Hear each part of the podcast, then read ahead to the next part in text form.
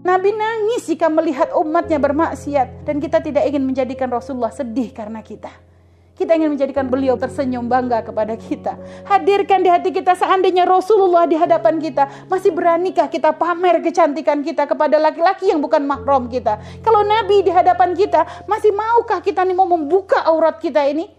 Apa yang kita lakukan kalau Nabi itu di hadapan kita? Bagaimana cara kita untuk dikenali sebagai umat beliau?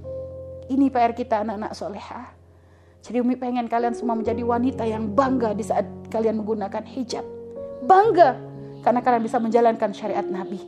Dan Nabi sudah memberikan nasihat nak akan tiba satu masa di saat kita berpegang kepada syariat kita seperti memegang bara api panas berat Orang lain mungkin akan meremehkan, orang lain mungkin akan mencela, orang lain mengatakan kita fanatik, orang lain mungkin akan mengatakan kita ini berlebihan. Untuk menjaga kehormatan sebagai wanita kita harus berlebihan.